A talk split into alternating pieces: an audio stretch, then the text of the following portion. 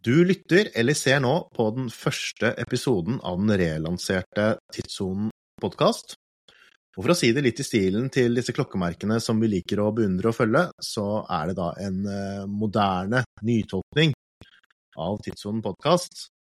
En podkast som har historiske røtter som strekker seg helt tilbake til 2019, og som er den eldste podkasten om klokker i Norge om det var noe Holy Trinity av Klokkepodkast Norge, så ville Tidssonen Podkast definitivt vært en av de. Nei, jeg skal slutte å fleipe. Ehm, de av dere som har eh, fulgt med over fra klokkelandslaget, og jeg tipper det er en del av dere som eh, har gjort nettopp det, så vet dere jo at Tidssonen og Finansavisen vi har avsluttet vårt samarbeid om eh, klokkelandslaget på den. Um, jeg kan ikke si så mye om hva, de, hva, planene videre er for poden der, den er satt på pause. Men uh, for tidssonens vedkommende så kommer vi bare til å fortsette mer med podkast. Vi kommer også til å fortsette mer med video. Og det kommer til å bli en del eksperimentering, og sannsynligvis også litt prøving og feiling. Uh, jeg håper dere har tålmodighet til det, og takker for det. Um, og så håper vi det at uh, sluttproduktet kommer til å bli noe som engasjerer og, og som stimulerer den klokkeinteressen som allerede er eh, veldig i live ute hos veldig mange av dere som lytter. Jeg tenkte egentlig bare nå å gå litt uh, rett på sak. Um, det er jo den første poden som kjører, jeg kjører nå solo. Uh, det kommer til å være gjester og, og andre typer innslag uh, litt mer fremover.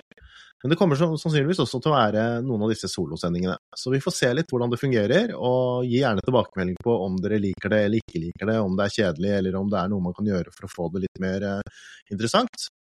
Men øh, den eneste måten å, å, finne ut av det på, det er jo bare å kjøre på så, og få ballen til å rulle. Så jeg tenkte å fortelle litt nå om um, hva jeg gjorde i forrige uke, eller nå er det faktisk ja, det er forrige uken jeg spiller inn.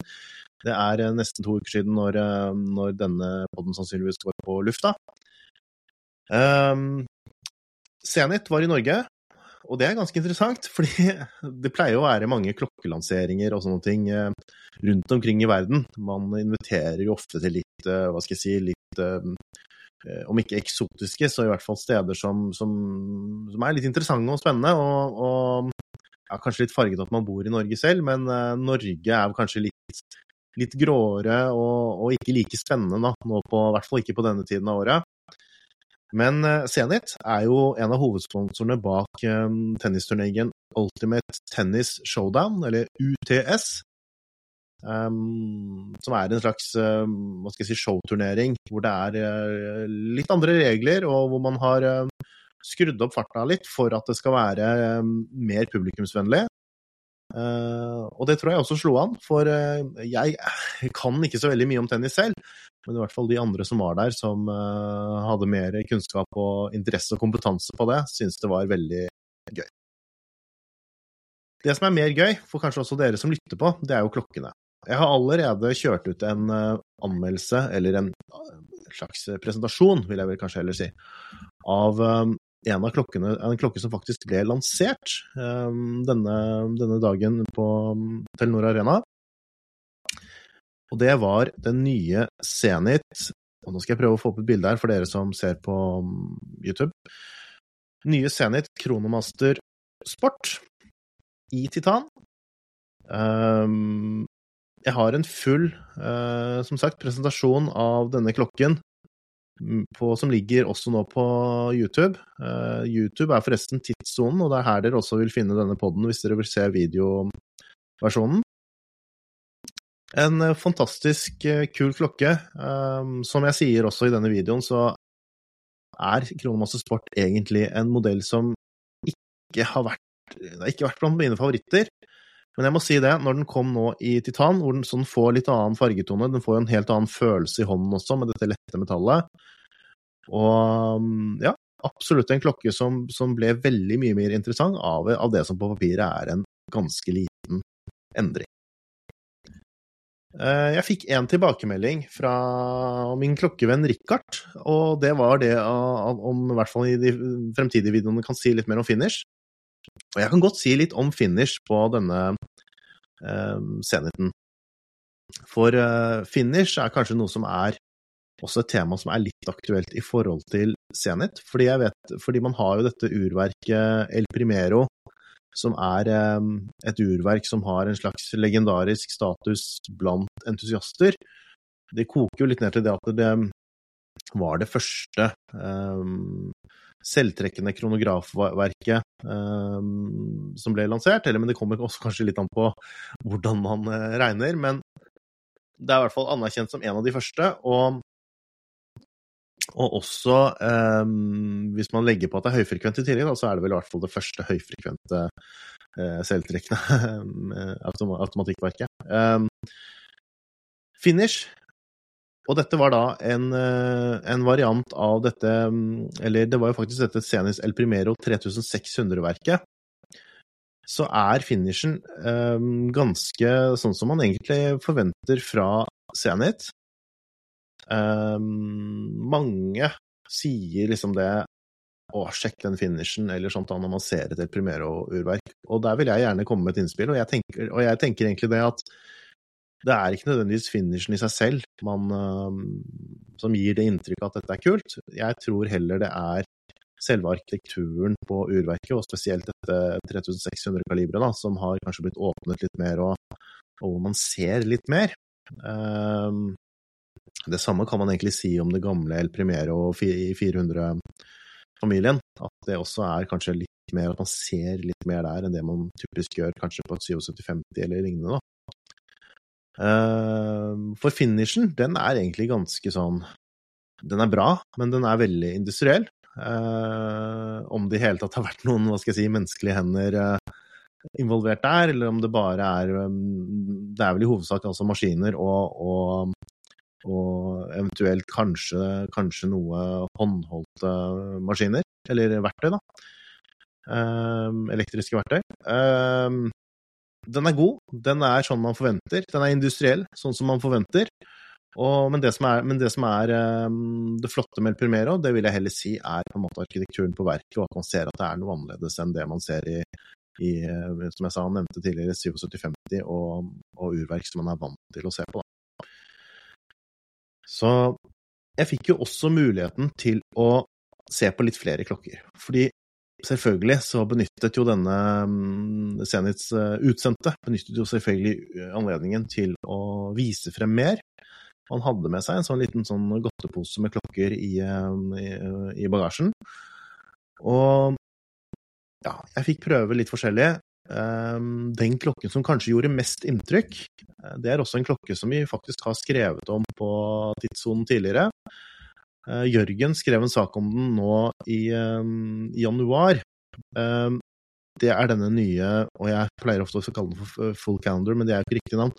Den heter Kronomaster Original Triple Calendar. Det er jo da en slags um, gjenskapning, eller en, eh, en, eh, kanskje igjen en moderne nytolkning. Uh, nå har den egentlig ganske retro-stil, altså en nytolkning av um, en prototype som Zenit eh, lagde på, tidlig på 70-tallet.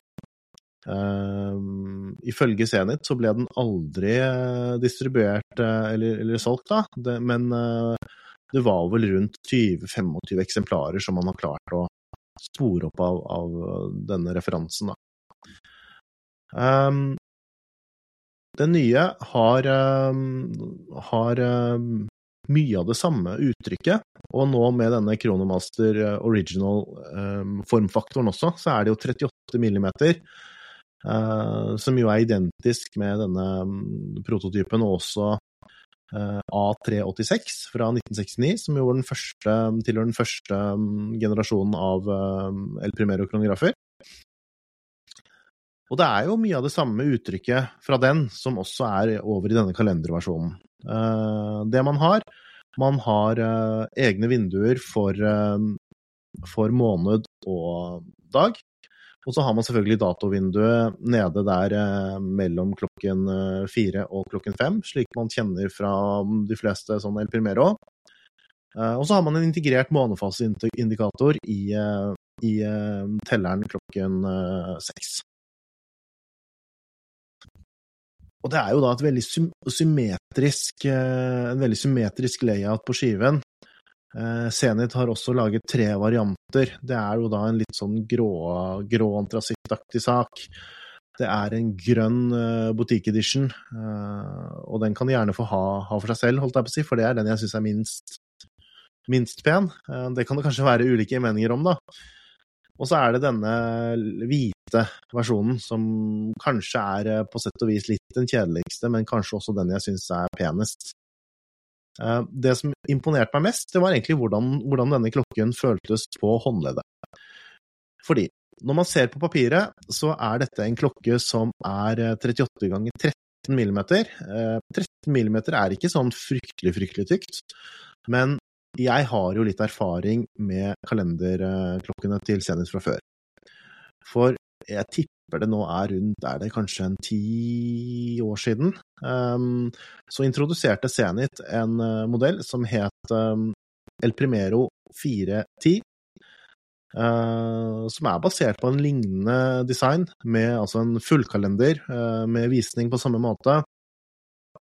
Uh, og da i en 42 mm kasse, som var 12,75 mm tykk. Så altså ja, marginalt tynnere da, enn denne nykommeren. Forskjellen der er jo det at man har en, en 42 mm diameter, som er ganske mye større enn 38. Så når jeg så de tallene, så tenkte jeg at dette høres nesten litt rart ut. Her har vi da en klokke som er eh, nesten eh, altså litt tykkere enn eh, en denne El Primero 410 som jeg hadde tidligere, og i tillegg har en vesentlig redusert diameter. Og jeg tenker litt sånn, når jeg fikk prøve den, så satt den som et skudd. Det var ikke noe å utsette på bærekomfort eller noen ting der. Eh, den så veldig balansert ut på hånden, rent eh, visuelt. Den føltes veldig komfortabel. Eh, nå er ikke jeg den som pleier å klage så mye over altså, tunge klokker og sånn, men jeg, jeg, kan ikke si jeg merket noe antydning til noe sånt i det hele tatt. Jo da, det er jo ikke en, en syltynn klokke, men den var, den var, heller ikke påfallende tykk. Så og det var jo liksom det jeg kanskje lurte litt på da, når jeg så denne modellen ble presentert, for den var veldig pen, men, men uh, tykkelsen Og der kan jeg si til dere som har lurt på det, stikk til butikken og sjekk den ut, for det, det, er en veldig lekker modell, og den er også ja, veldig gjennomført og, og riktig, vil jeg si. Prisen er jo heller ikke så fryktelig gæren, fordi jeg tror det er rundt 165 000 jeg, på lenke, og da er vi jo ja, vi er jo da under, eh, under um, Rolex Itona i stål. Man er under, uh, men er vel også under um, Omega Speedmaster um, kaliber 321.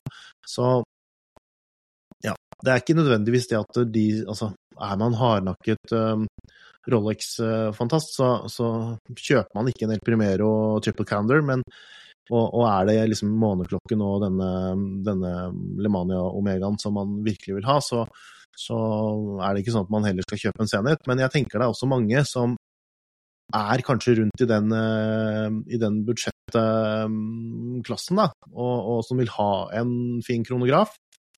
Og hvis man da ønsker å velge noe som er litt uventet og litt utenom det vanlige, så vil jeg si at man får en veldig god pakke da, med med også denne kalenderfunksjonen.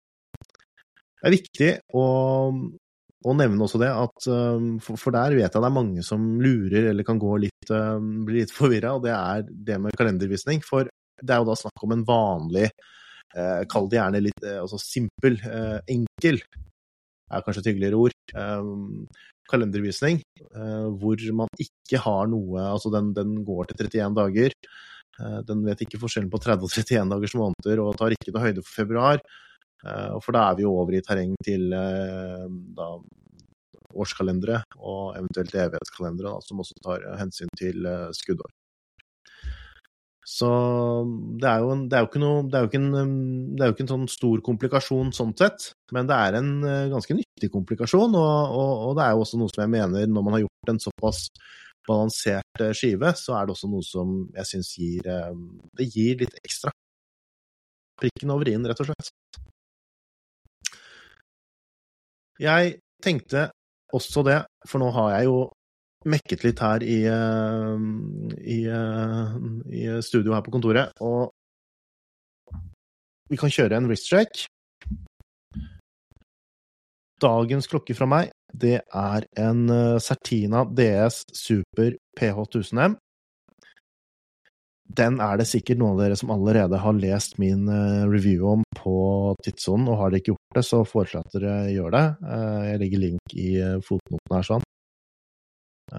Kanskje fjorårets beste klokke, i hvert fall sånn i budsjettklassen. Det er jo en klokke som har en, en veiledende pris på ja, litt over 12 000 kroner. Um, fra Sertina. Um, Sertina, som noen ganger kanskje er litt i overkant uh, traust og, og, og, litt for uh, rund i kantene og, og, folkelig, her har man jo en mer uh, kompromissløs side fra Sartina, som også er veldig i tråd med den uh, arven som de har som produsent av veldig kapable, proffe dykkerklokker. Går man inn på vintagesartinas.co, så får man hele historien, og det anbefaler jeg å gjøre, for det er en interessant å se hva alt det de har vært med på, og ikke minst å se klokkene. Dette er jo da en remake da, av en av disse hva skal jeg si, litt sånn kultklassiker-diverne eh, til eh, Sartina. 1000 meter, eh, sikkerhetsfunksjon på beselen, så man må trykke det ned for å vri. Det er ikke det at det er noe sånn veldig vanskelig å, å, å lage det, men det er ikke så mange som gjør det likevel. Um, og ikke minst, da, det som er veldig gøy, det er jo det at man har en, også en heliumventil. Og dere som ser på YouTube, kan jo se, se den. Selvfølgelig helt unødvendig for meg, og helt unødvendig sikkert for 99% av de som, eh, som, kjøper denne klokken. Men når den ser så bra ut, og ja, igjen, litt morsomt det at det faktisk er en Certina, så syns jeg det bare gir uh, litt ekstra. Den fins også i en gul, uh, gul limited-utgave, som faktisk er den som jeg sitter og Eller den som jeg har skrevet om på tidssonen. Ehm, veldig kul. Ehm, kanskje litt mer allsidig i svart, men eh, ja, sommerklokke. Nå, må vi jo snart begynne å, å, nærme oss litt sommeren og få litt lysere dager her også, så noe, noe å tenke på fremover. Og jo, mens vi er inne på dette med Wrist, for eh, Richard han hadde også et annet innspill som var egentlig veldig mm, godt, og da tenkte jeg å ta dere litt med på å gjøre en demonstrasjon av nå. Ehm, for han spurte hvor ehm, Eller han sa vel egentlig 'du har store håndledd', sa han. og jeg vet faktisk ikke hvor store håndledd jeg har, men jeg har kanskje store håndledd. Um, skriv hvor, hvor, store håndledd du har, for da gir det litt kontekst når man ser disse bildene av klokke på håndleddet. Og det syns jeg egentlig var en veldig god idé. Så jeg tenkte egentlig det nå å måle håndleddet, og det er også mange som uh, kanskje lurer litt på hvordan man gjør det best.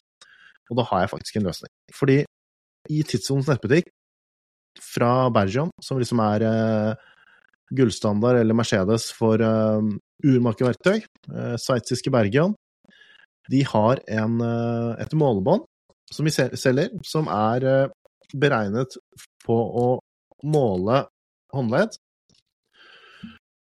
Da tar vi den bare inn sånn, vel. Og så skal, vi, skal jeg bytte kamera her, så ser vi litt på hånden. Jeg vet ikke, som sagt ikke selv. Sist jeg målte håndleddet, så var jeg vel sikkert sånn i 20-årsalderen eller noe. Jeg tipper det har vokst litt siden det. Det hadde i hvert fall vært rart om det ikke gjorde det.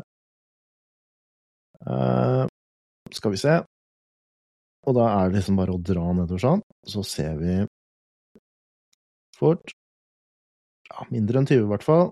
19 Ja. Her er det liksom Her ser vi Oi, hvis jeg, drar, hvis jeg drar litt, så er det Her er 180 millimeter. Men det er større enn det, for nå må jeg stramme skikkelig. Så jeg vil si et sted mellom 18,5 og 19, jeg. Jeg tipper, jeg tipper, det er et sted mellom der.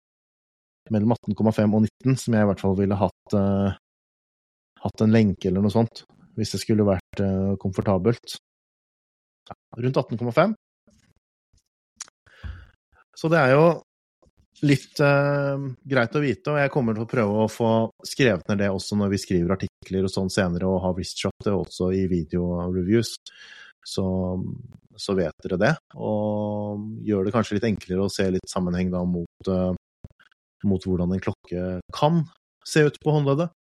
Men jeg anbefaler uansett, da, hvis man er interessert, at man bør, uh, bør stikke til en butikk og, og sjekke det ut. For én ting er jo bare um, sånn omkrets på, på håndledd, men uh, så kan man jo ha litt ulike fasong og litt ulike preferanser også. Så Men litt mer data er aldri noe som skader.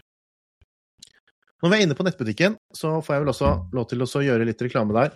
Uh, dere kan jo sjekke ut boken min hvis ikke dere har gjort det. Den selges i uh, Tidssons nettbutikk, som dere finner på shop.tidsson.no, eller bare gå til tidsson.no og trykk på nettbutikk. Ehm, det har vært et flott uh, julesalg, og mange, mange, entusiaster har uh, kjøpt boken eller fått den i gave. og Jeg har fått hyggelige tilbakemeldinger, og fortsett gjerne med det. Det er kjempekoselig. Og, og også tips eller så, og sånn hvis dere har noe, for uh, det kan hende det kommer en, en nummer to. Men har dere ikke sjekket ut boken og liker klokker, så anbefaler jeg dere å ta en titt på den. Hvis vi skal gå litt tilbake til det som har skjedd den siste tiden, så har det også kommet en annen uh, spennende klokke i en helt annen prisklasse, og også en helt annen type da, enn El, Prim eh, El, Primero, men faktisk ikke så fryktelig langt unna rent, rent sånn periodemessig. Og, og, og, den er jo også på en måte en del av forklaringen til kanskje hvorfor ikke denne originalen av El Primero sin trippelkalender noensinne ble satt ut i produksjon. For som vi vet, så var jo Zenit en av de merkene som ble veldig hardt rammet av eh, kvartskrisen. Og nå så feirer faktisk i år eh, Casio eh, 50-årsjubileum for sin første klokke. Tidligere så var det jo mest eh, kalkulatorer og annet elektronikk som Casio drev med, men i 1974 så lanserte de den første klokken som heter Casiotron. Og skal man se sånn tidslinje da, så er man jo da ni år før eh, den første G-sjokk, som kom da i 1983. Men tro selvfølgelig ikke det at uh, Casio lagde noen uh, analog dressklokke eller noe sånt med, med mekanisk dressklokke, for det er jo selvfølgelig snakk om en, uh, en digital klokke og det de har laget nå, er en slags uh, nytolkning igjen av, um, av, denne første versjonen uh, som heter Casio Tron. Jeg skal prøve å dele litt skjerm her, så får dere se dere som um, Og jeg legger også en link til denne artikkelen i, uh, i fotnotene. Og det er jo veldig sånn typisk Typisk 70-tallsstil. Og her kan man jo også se se originalen side om side med remake. Og det er jo ganske likt, da. Selvfølgelig så er denne modulen den er eh, byttet ut til noe mer moderne. Man har jo beholdt denne liksom spesielle mm, Hva skal jeg si Den coinage-kanten rundt på, eller ved der, og og kasseformen osv. Uh, man har fått litt mer knapper, for det er også litt mer funksjoner. Uh, og så sier Ocasio det, at de har måttet gå litt på dette med, med, kvalitet og opplevd kvalitet, og har hva skal jeg si, oppgradert litt. For det, det er jo ganske velkjent det at um, klokker fra denne perioden, og kanskje spesielt klokker i denne kategorien her, da, som med med, med kvartsklokker, så er det kanskje ikke helt den kvalitetsstandarden som man forventer av en klokke til eh, ja, det er vel 7000 kroner som den her kommer til å koste. Så det er vel bare positivt, men det er jo en sånn dash av nostalgi og, og retro, da. Um, det er jo litt interessant, eh, fordi denne klokken var jo også en slags første nå vet vi jo det at den første uh, serieproduserte kvartsklokken, som var uh, altså armbåndsur, var det jo Seigo som sto for, og da denne kvarts Astron. Uh, den ble lansert i 1969 sent i desember. Og har jo også blitt laget i en, en, en remake og sånn av, av Psycho da, tidligere. Og det er også en klokke som er ganske, ganske kul, som er verdt å sjekke ut. veldig forskjellig fra disse, altså disse klokkene som bærer Astro-navnet i dag. Men vi er jo da, med Casio sin, sin Casiotron, så er vi da ca. fem år etter um, den første kvartsklokken som eh, verdens første kvartsklokke. Og det var jo en ganske rivende utvikling i, i disse årene, og utover 70-tallet, da, med, med ulike, ulike, forbedringer. Og, det er jo det mye av det gikk på, da. Funksjonelle forbedringer, forbedringer hva skal jeg si, lesbarhet og batteritid osv. Um, Casiotron uh, sin claim to fame er jo det at det var en, den første klokken med automatisk kalender. Og man vet jo det at i dag, de som kjenner litt til, uh, til f.eks. G-sjokk, vet jo at når, man, når Casio sier automatisk kalender, så betyr det i praksis en slags evighetskalender. Som skjønner lange og korte måneder og februar og skuddår osv. Det var det også på denne Casiotron, men og her kommer et men. Den forsto ikke skuddår. Så man måtte stille klokken da hvert fjerde år, men, eh, men eh, ellers så forsto den at det var 28 dager i februar, og den forsto også da med, med, med 30 og 31 dagers eh, måneder. Så altså, det, det, er jo sånt man kan le litt av i dag, men tenk hvilken, hvilken faktisk hvilken uh, liten revolusjon det var på den tiden. Det å kunne ha dag og, og, og måned og, og, sånt korrekt, og slippe også å stille det. Så nei, en veldig artig, artig, sak. Og nå da med oppdatert modul, så den har jo da en eh, automatisk kalender igjen. Og nå tipper jeg, nå tipper jeg da at det er en som også forstår, eh, forstår um, skuddår. Uh, men så er det tøff solar, altså solcellelading på kassospråk, og denne tidssynkronisering mot radiosignaler osv., og, så og også Bluetooth mot, uh, mot, egen app, som gjør at man får en, enda flere funksjoner. Jeg er jo selv, det er jo liksom noe jeg aldri bruker, og noe jeg bare syns er teit, men de har i hvert fall spart seg for det at det får en sånn blåtanntekst på, på fronten av klokken. Det slipper man i hvert fall unna, og det er bra. Rundt 4000 klokker, sier ryktene. Kasi har ikke bekreftet noe selv. Eh, veldig få som kommer til Norge, og, og, den kommer nok sannsynligvis til å bli en ganske sånn etterspurt, i hvert fall sånn på verdensbasis. Så 4000 klokker, det høres jo mye ut hvis det er luksusklokker til, eh, til mange hundre tusen kroner. Men uh, dette er Casio, og, og, man har kanskje litt lett for å glemme hvor stort marked uh, disse har, og i, i, også med kanskje litt andre kunder også, da, som samler og, og er fanboys. Det har også vært en veldig interessant, syns jeg, diskusjon i Tidssonens forum den siste tiden. Og det er, eh, det er en, eh, et forum som man, for dere som ikke er registrert der, man går inn på tidsson.no og trykker på forum, og så er det en sånn eh, registreringsside der, og, jeg anbefaler alle til å sjekke ut det. Um, der er det Jørgen, Jørgen, Jørgen, Jørgen fra mm, Otteren i Stavanger som har um, lagt ut en tråd om uh, Omega Constellation, hvor han stiller litt spørsmål om uh, hva, hva, hva, det er med Constellation, hva, hvorfor den ikke har uh, den samme, den samme Hvorfor den ikke blir anerkjent på lik linje med mange av de litt sånn eldre klokkene da, og de eldre designene som har vært med en stund, og som, man, og som nå har blitt liksom veldig hot de seneste årene. Uh, og der kommer det mange interessante teorier og forklaringer på det.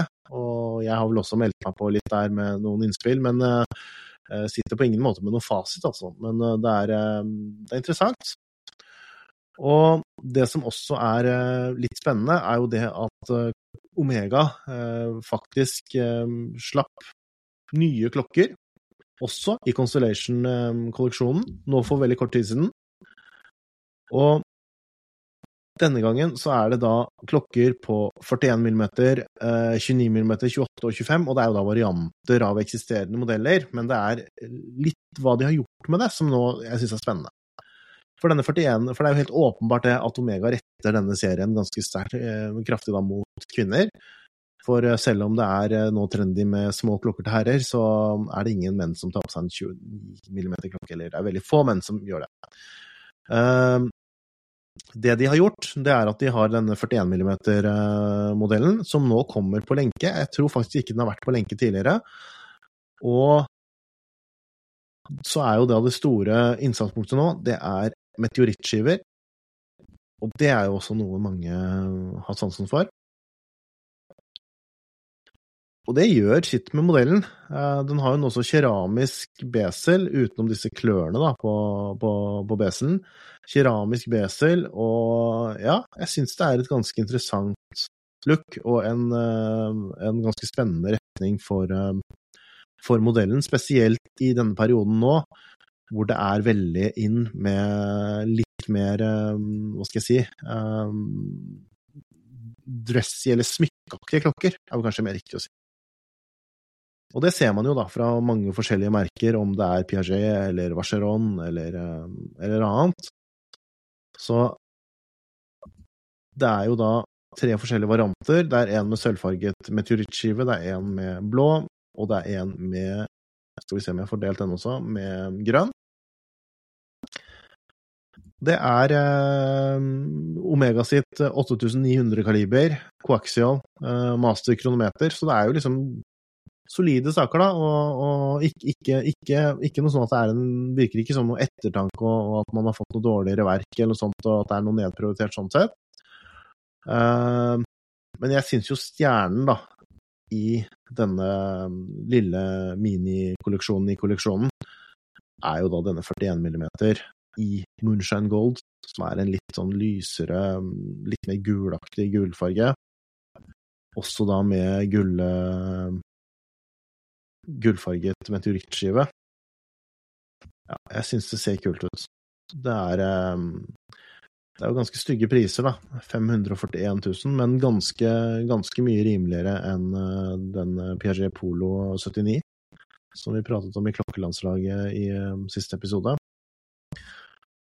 Og hvis man ser på da disse stålmodellene, så er man jo på en pris på 123 000 kroner, som sammenlignet da med en tilsvarende modell med med, hva skal jeg si, med lær og uten meteorittskive, så er man da i ja, 90 300 kroner uten lenke og, uten meteorittskive. Så jeg syns ikke altså det 30 000 opp for lenke og meteorittskive, det syns jeg egentlig er ganske overraskende innafor fra Omega sin side. For Omega har jo også likt å, å kjøre litt på med, med, pris og sånt uh, den siste tiden. Så spennende modeller. Jeg tror fortsatt det, at det er en utfordring å selge disse klokkene til menn. Um, en ting er at det finnes veldig mange alternativer nå i uh, denne kategorien med integrerte klokker, sporty-ish klokker med, med, luksusklokker med integrert lenke. Det er jo en, en, det er jo en, hva skal jeg si, en liten nisje som har vokst til å bli en av hovedkategoriene, vil jeg nesten si, innenfor, um, innenfor klokker nå, på lik linje med nesten dressklokker og kronografer og dykkerklokker. Um, markedsføring har, tror jeg, en, eh, en, god del med det å gjøre. For det er eh, Man har kjørt på med Cindy Crawford og kjørt på med dette i mange, mange, mange år. Og så kjørte man da på med mm, datteren til Cindy Crawford, ikke sant. Det er tydelig det at den har vært rettet veldig mot kvinner. Det var riktignok en periode hvor man uh, prøvde det å, å, knytte den mer opp mot golf. Jeg er litt usikker på om de fortsatt gjør det, men det var i hvert fall en periode, det. Da spesielt med denne modellen som het Double Eagle. Um, så har de jo også laget uh, Globemaster, som, uh, som, er en slags uh, søsk søskenmodell innad i Constellation-familien. Men der har de jo tatt en helt annen retning enn en med denne Constellation-modellen som jeg har snakket om nå. For på Globemaster så går man jo på en måte tilbake i tid. For Constellation, Vintage Constellation er det jo veldig mange, som, mange entusiaster også som har sansen for, og det, de er på en måte uh, godt innafor. Uh, Pipan, uh, og det er jo litt der disse Glowmaster-klokkene henter inspirasjon. Denne, denne Constellation-versjonen med integrert lenke kom jo i 1982, så det er et barn av 80-tallet, eh, og, og, Og det ser man jo også litt på designet. Ehm, jeg tenker jo kanskje det, at den er ehm, Ja, den er Det er kanskje litt for sent nå også. Jeg vet ikke. Hvis Omega hadde gjort en veldig stor snuoperasjon, rettet den mer mot menn, eller gjort det veldig tydelig det at den ikke bare var en damemodell, eh, så vil man fortsatt komme ganske sent til denne festen som har vært i, i eh, stålklokker med integrert lenke. Og samtidig så kan man jo stille seg det spørsmålet trenger det å være dame, noe mer enn en dameklokke. Jeg tenker at det, det, gjør den kanskje ikke. For er man Omega, så har man selvfølgelig um, Speedmaster, som jo er en helt vanvittig ressurs. Um, man har også Seamaster, som er en nesten like vanvittig modell. Uh, og så har man også den muligheten til å gjøre litt mer, uh, mer uh, Jeg vet ikke om jeg skal kalle det anonyme modeller, men også litt mer, litt mer klokker som er litt enkle, dressklokker, den type ting, som kan selges til, til, litt mer de som bare skal ha en fin klokke og ikke tenke så veldig mye mer over det. og det har vi også sett mange eksempler på da, at de har gjort. mens Constellation er en veldig sånn distinct look, og jeg vet ikke om man trenger enda en sånn modell. Ehm, jeg, jeg heller vel egentlig veldig, veldig mot uh, nei, og tenker heller at man bare skal spisse den enda mer mot, uh, mot kvinner. Uh, personlig så er jo dette her også en klokke som jeg har kanskje min mest anbefalte dameklokke. Når noen spør meg jeg skal kjøpe til kone, jeg skal kjøpe til en kjæreste, jeg skal kjøpe osv. Ehm, da min egen mor skulle kjøpe seg en uh, finere klokke, da, uh, og det er vel sikkert nå 15-20 uh, år siden, så endte vi opp med en Constellation.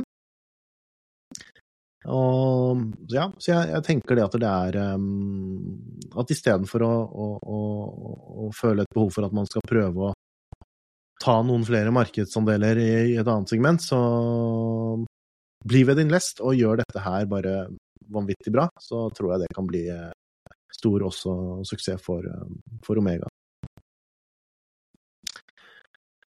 Jeg tenkte å videreføre litt av det vi har gjort med Klokkelandslaget, og det er jo litt sånn øh, å, å, å, få med litt leserspørsmål og, og krydre litt med det. Så det, ha, det, jeg har spurt om nå på Tidssonens Facebook-gruppe og i forumet, det er jo litt om uh, noen har noen spørsmål, så vi kan prøve å kjøre litt sånn uh, Jon Henriks uh, hjørne.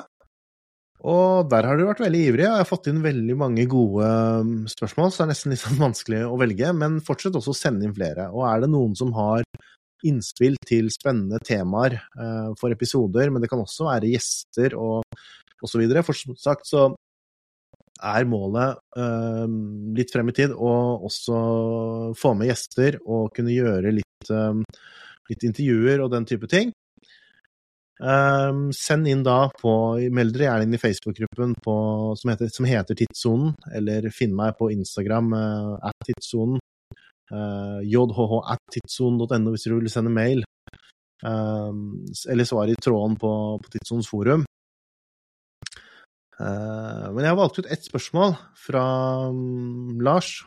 Og det var litt fordi jeg tror Lars skrev det, at han uh, lurte på om han kanskje hadde spurt dette spørsmålet tidligere, men at det ikke hadde blitt besvart. Og det kan godt hende, fordi vi fikk inn mye spørsmål i en periode, og så var det ikke så lett å, å, å følge opp alle. Så Men jeg skal lese det opp her nå. Jeg har tenkt litt på min lokale urmakers fremtid, og er nysgjerrig på hva du tror. Hva er dine refleksjoner om trenden med egne merkebutikker og stadig flere merker som satser på mer eller mindre inhouse urverk? Betyr det kroken på døra for uavhengige urmakere? Vil eller kan trenden snus? Og innehar mikromerkene noen rolle her? Det var et godt spørsmål, og egentlig litt flere spørsmål um, på en og samme gang, men jeg skal prøve å svare på best mulig måte. For sånn jeg tolker det spørsmålet, så handler jo dette da om at merkene i høyere grad tar uh, større kontroll over egen distribusjon. Uh, merker som for eksempel Omega, som ble solgt over hele landet tidligere. Uh, det er bare noen butikker igjen, det samme med eksempel med Rolex.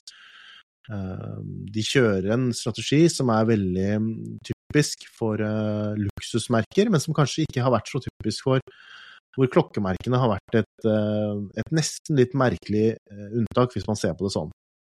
Eh, jeg tror det har en sammenheng med det at klokker eh, Selv om mange av disse har vært luksus, så er det en, en gjenstand som har vært grunnleggende en slags funksjonell eh, gjenstand, og det er flere som har gått med en Rolex enn å gå i, enn å gå i skjorte fra, fra Gucci. Så, så, det er liksom, har nok en sammenheng med det. Men, men uh, uansett, det er kanskje for en annen, den diskusjonen er kanskje for en annen dag. Um, Merkene tar mer kontroll over egne, egne, egen distribusjon. Uh, og merkene uh, har de seneste årene gått mer over til inhouse. Og det jeg tror Lars mener her, er jo rett og slett det at når man hadde f.eks. Eh, mange produsenter som brukte de samme ETA-verkene, eller, eh, eller også Celita eller lignende, så gjør det også noe med servicen, fordi da er det mulig å gjøre service uh, flere steder. Man trenger ikke å ta med denne Omegaen. En Omega med, med, med, med 2892, man trenger ikke å ta den med til, til et Omega-servicesenter. Man kunne også ta den med til enhver urmaker som, kunne, som kan skru på klokker. Og de klarte også sannsynligvis å få deler til den. jeg er enig i, den, uh, i den, det å stille litt spørsmål rundt fremtiden. Fordi det er helt klart det at for enkelte aktører så har det vært, og kommer nok til å være, en veldig stor uh, endring nå i den tiden vi er i nå. Uh, tenk deg bare det, liksom, å være en butikk som i, ja, i noen tiår har solgt uh, Rolex, da, for eksempel, og kanskje også da hatt kunder over hele, hele landet, og så forsvinner brått uh, det merket, som jo de fleste vet er et merke som også betyr ganske mye for økonomien til de som, som selger det. Sånn har det i hvert fall vært de seneste årene, hvor ting nesten har solgt seg selv. Og så er det et sånt korthus som kan falle litt sammen. Nei, forsvinner Rolex, nei, da vil ikke vi heller være der. Og så forsvinner Omega, og så sier Breitling nei, da vil ikke vi heller være der. Og så trekker de seg ut, og brått så sitter man igjen med en helt annen uh, en butikk med en helt annen profil enn, enn den high end-profilen som man kanskje har hatt tidligere. Da. Og det påvirker jo selvfølgelig mye. Det påvirker omsetning, det påvirker, eh, det påvirker hva skal jeg si, nesten alt. Uh, og for noen så har det vel kanskje vært um, så, så, så, kan det vel fort bli uh, kroken på døra. Fordi man ser jo det, og det er jo ikke det at man nødvendigvis ikke, ikke at det ikke går rundt, men altså det er jo en Vilkårene rundt har jo blitt, blir jo veldig vesentlig endret, da. Så jeg vil ikke se bort fra det, at vi kommer til å se at flere, flere mindre forhandlere rundt omkring i Norge kommer til å legges ned de neste årene. Det, det har jeg nesten vanskelig, mer vanskelig for å si at det ikke kommer til å skje. Uh, så er du litt inne på dette her med inhouse. Uh, det er på en måte nesten en litt annen, en litt annen dimensjon av det igjen, fordi dette med service Sånn jeg har fått inntrykk av det, eh, og det kan sikkert variere litt fra merke til merke, så er det noe som kan leve litt uavhengig av, av det å selge klokkene til et merke. Eh, er man urmaker og har et verksted, for eksempel, da, eh, så har man jo muligheten til å, til å, til å søke og gå og ta kurs og få sertifiseringer på ulike verk. Sånn som det fungerer, er jo ofte det at disse veldig high end-produsentene har jo ulike nivåer. Eh, det kan være nivåer som stiller både krav til den personen som utfører arbeidet, og også utstyr og, og diverse da, rundt. Og det trenger ikke nødvendigvis ha noe sammenheng med at man må være en, eh, en butikk som også selger disse klokkene. Eh, og service er jo noe som Eller ettermarkedsservice er jo noe som, altså noe som mange klokkemerker sliter med. Man kjøper en klokke til mange hundre tusen kroner, og så må man sitte og vente et år på å få gjort en eller annen liten jobb som egentlig burde kunne blitt gjort lokalt. Også der handler det jo om kontroll at merkene ikke vil at, at man skal få en dårlig, dårlig, opplevelse. Og så er det selvfølgelig at de tjener jo penger på det også, da. Så Nei, altså jeg tror jo det at um, det også kan være, og det, og det, har jeg også hørt altså fra folk jeg kjenner i bransjen, som har tenkt i de retningene nei, nå, nå orker jeg ikke å forholde meg til disse merkene lenger, kanskje jeg bare skal starte et urmakerverksted. Og, og, prøve å få noen sertifiseringer på ulike merker og, og bli et slags servicepunkt. Så det kan jo kanskje være en, en eh, løsning for noen. Uh, I forhold til innhavsverk så gjør jo det da at, som jeg sa, at det gjør jo da at det er færre som kan skru på ulike ting, og det er uh, så, så, det er jo liksom en en annen side ved det, det, det, er den, det, er jo den, siden som vi flest blir konfrontert med som klokkekjøpere, er jo det at når det har et innholdsverk, så kan det være en fin unnskyldning til å skru opp prisen. For produsenten så kan det som regel bety det at de får bedre, bedre tjener mer per enhet ved å faktisk bytte til innholdsverk, fordi de kan skru opp prisen mye mer enn det det koster å, å, å gå over til egen produksjon. I tillegg så får de mye mer kontroll, eh, og den kontrollen strekker seg jo også da til service, eh, til service, hvor de da kan uh, utmarket rett og slett da ikke får tak i deler og, og, den type ting. Så ja, det er, eh, det er en litt sånn morsom, morsom situasjon, for på den ene siden så, så, så er jo appetitten på innhavsverk og mer eksklusive ting, og altså dyre ting, eh, dyre klokker, luksusklokker. Interessen har jo, etterspørselen har jo, har jo vært stigende de seneste årene.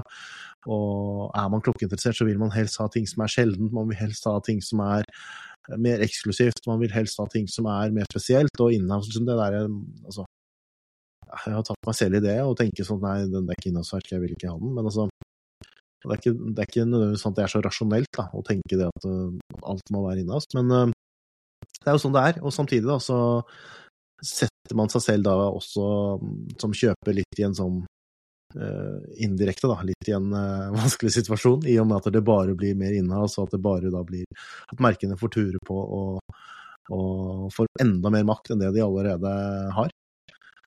Så mikromerker, er det noen rolle for de? Ja, det tror jeg absolutt, og, og jeg tror jo også, hvis man istedenfor mikromerker også kan si kanskje uavhengige merker, og i det så legger jeg jo da eh, merker som ikke er tilknyttet disse store eier... Eh, disse store konglomeratene, som LVMH, Swatch Group og Richemont osv. Um, det er jo ingen hemmelighet det at mange av disse merkene, selv de i høyere prisklasser, er veldig mye mer lydhøre i forhold til det å, å, å få Unnskyld. Eh, å få forhandlere som tar inn mindre varelager, som eh, Altså, de er mye snillere, mye greiere å ha med å gjøre, for de har ikke den samme makten som, eh, som Omega og Rolex og Breitling osv. Så det også er jo en, en, løsning for mange, tror jeg, og kommer til å bli noe vi ser mer av. Det at, man, at det er forhandlere som kommer kanskje til å fortsette å ønske å være high end, men som da vil gå i en annen retning. Uh, og vi ser jo selvfølgelig også, også, også, eksempler på det allerede med forhandlere som, som, utelukkende, eller mindre forhandlere som utelukkende da prøver å, å bygge noe rundt uh, frittstående merker og, og frittstående, frittstående, merker i litt høyere prissjikt. Uh, I forhold til de rimeligere um, klokkene så vet jeg ikke helt, fordi der er det alltid litt det problemet at jo, man kan selge mye klokker, men, det, men at the end of the day så er det ikke antall klokker man selger som har noe å si, men det er jo hvor mye man sitter igjen med på bunnlinja. Og det er dyrt å drive butikk, det er, og det er ikke minst dyrt å ha ansatte. Um, nei, jeg vet ikke om løsningen er uh, mikromerker sånn i, i, den forstand, altså de litt, litt sånn middels og rimeligere priser. Der er det jo også ofte at ting blir solgt uh, online og direkte. Uh, mange av de også ønsker jo egentlig det, og mange av de har jo også ikke noe uh, apparat i forhold til det å, å, å ha med tradisjonell sånn brick and mortar-distribusjon. Så Nei, det er egentlig et litt komplisert tema, og jeg tror ikke egentlig det finnes noe sånn quick fix Eh, jeg tror makt kommer til å bli veldig sentralisert, om det så er i form av at merkene får mer makt selv, eller om det er et par store mm, aktører i bransjen i, i nasjonalt som, som, får veldig mye makt, så tror jeg den utviklingen der er veldig vanskelig å snu. Da tenker jeg egentlig at vi er nærmere slutten på denne første episoden av den relanserte Tidssonen podkast. Jeg setter selvfølgelig veldig pris på det om dere gir noen stjerner hvis dere hører på Spotify eller lignende, og liker og deler og kommenterer osv. på YouTube.